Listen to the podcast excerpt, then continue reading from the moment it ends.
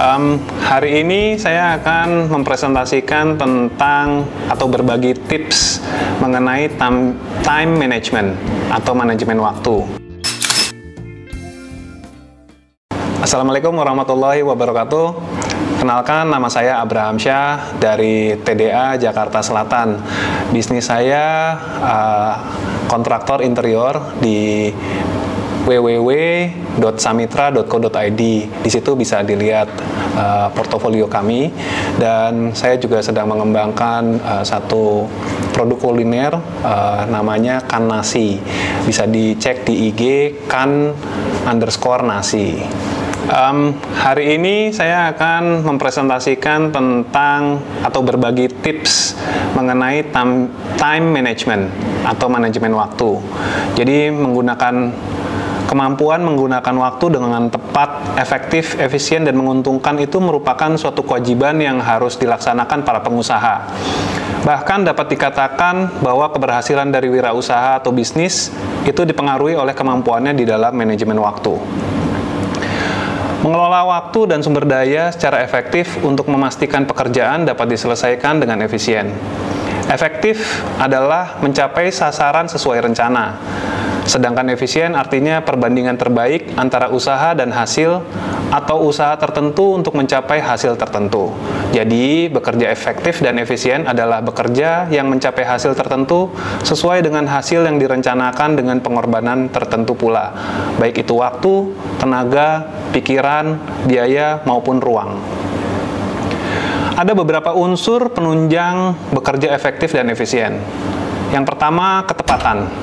Ketepatan maksudnya adalah tepat dalam membuat rencana, menentukan sasaran, memilih, menggunakan metode, mengukur, dan sebagainya.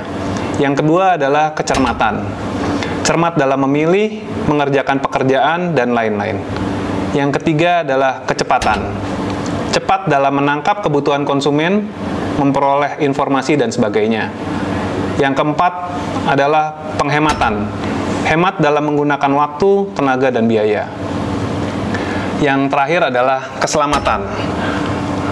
Maksudnya adalah dapat menyelesaikan pekerjaan dengan selamat sehingga tidak menjadi resiko yang harus ditanggung dan dibiayai.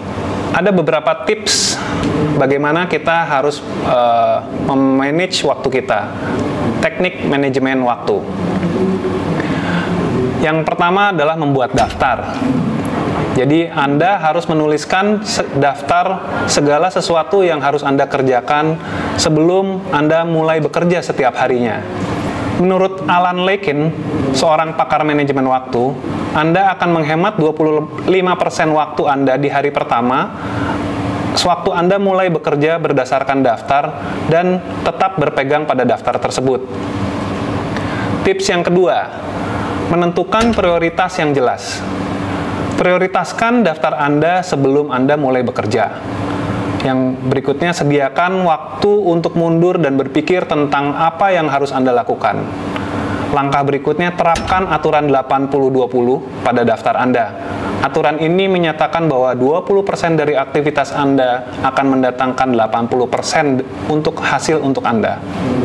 Ingat, bukan banyaknya waktu yang Anda luangkan, melainkan nilai pekerjaan dan hal-hal yang Anda capai dalam waktu itu. Tugas Anda adalah berfokus pada pencapaian daripada aktivitas. Kerjakan tugas yang paling penting dulu. Lalu yang ketiga, tipsnya adalah metode ABCD. Apa itu ABCD?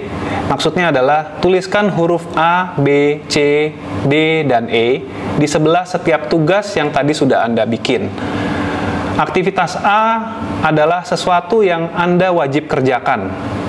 Ada potensi konsekuensi serius untuk menyelesaikan atau tidak menyelesaikannya. Tulis huruf B di depan aktivitas-aktivitas yang Anda harus kerjakan. Kalau yang A adalah wajib, kalau yang B adalah harus. Aktivitas ini adalah aktivitas yang punya potensi konsekuensi ringan jika Anda melakukan atau tidak melakukan. Aturannya adalah Anda tidak akan pernah mengerjakan tugas B jika ada tugas A yang belum terselesaikan. Tugas C adalah sesuatu yang akan menyenangkan untuk dilakukan. tetapi sama sekali tidak mempunyai konsekuensi.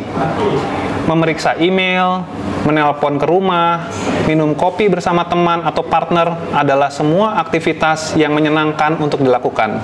Tapi sama sekali tidak penting entah, entah Anda melakukannya atau tidak. Sedangkan tugas D di sebelah semua tugas yang bisa Anda delegasikan kepada siapa pun yang bisa menyelesaikannya.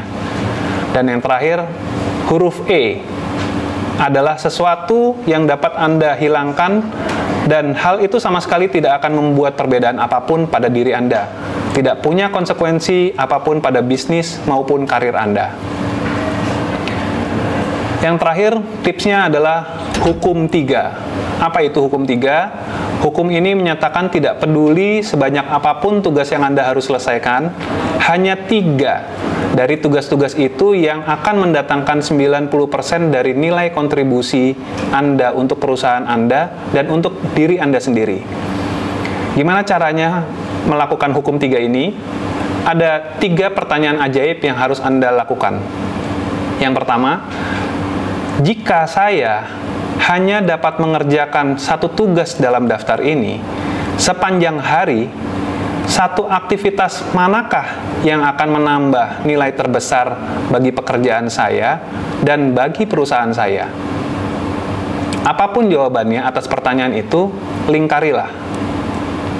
Yang kedua, jika saya hanya dapat mengerjakan dua hal dalam daftar ini sepanjang hari, aktivitas kedua apakah yang akan memungkinkan saya untuk menambah nilai terbesar bagi bisnis saya atau pekerjaan saya.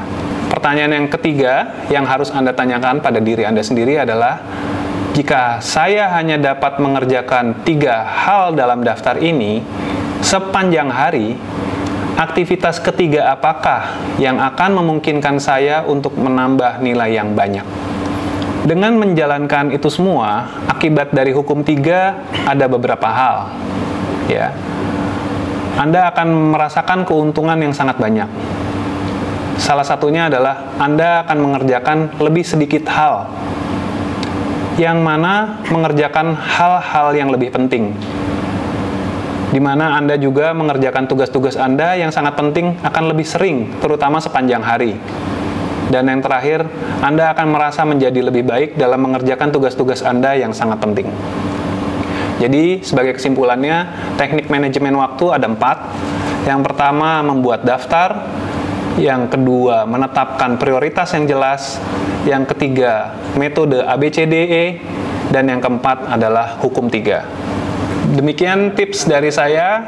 Uh, semoga bermanfaat dan berguna bagi Anda dan perusahaan Anda kolaborasi untuk negeri.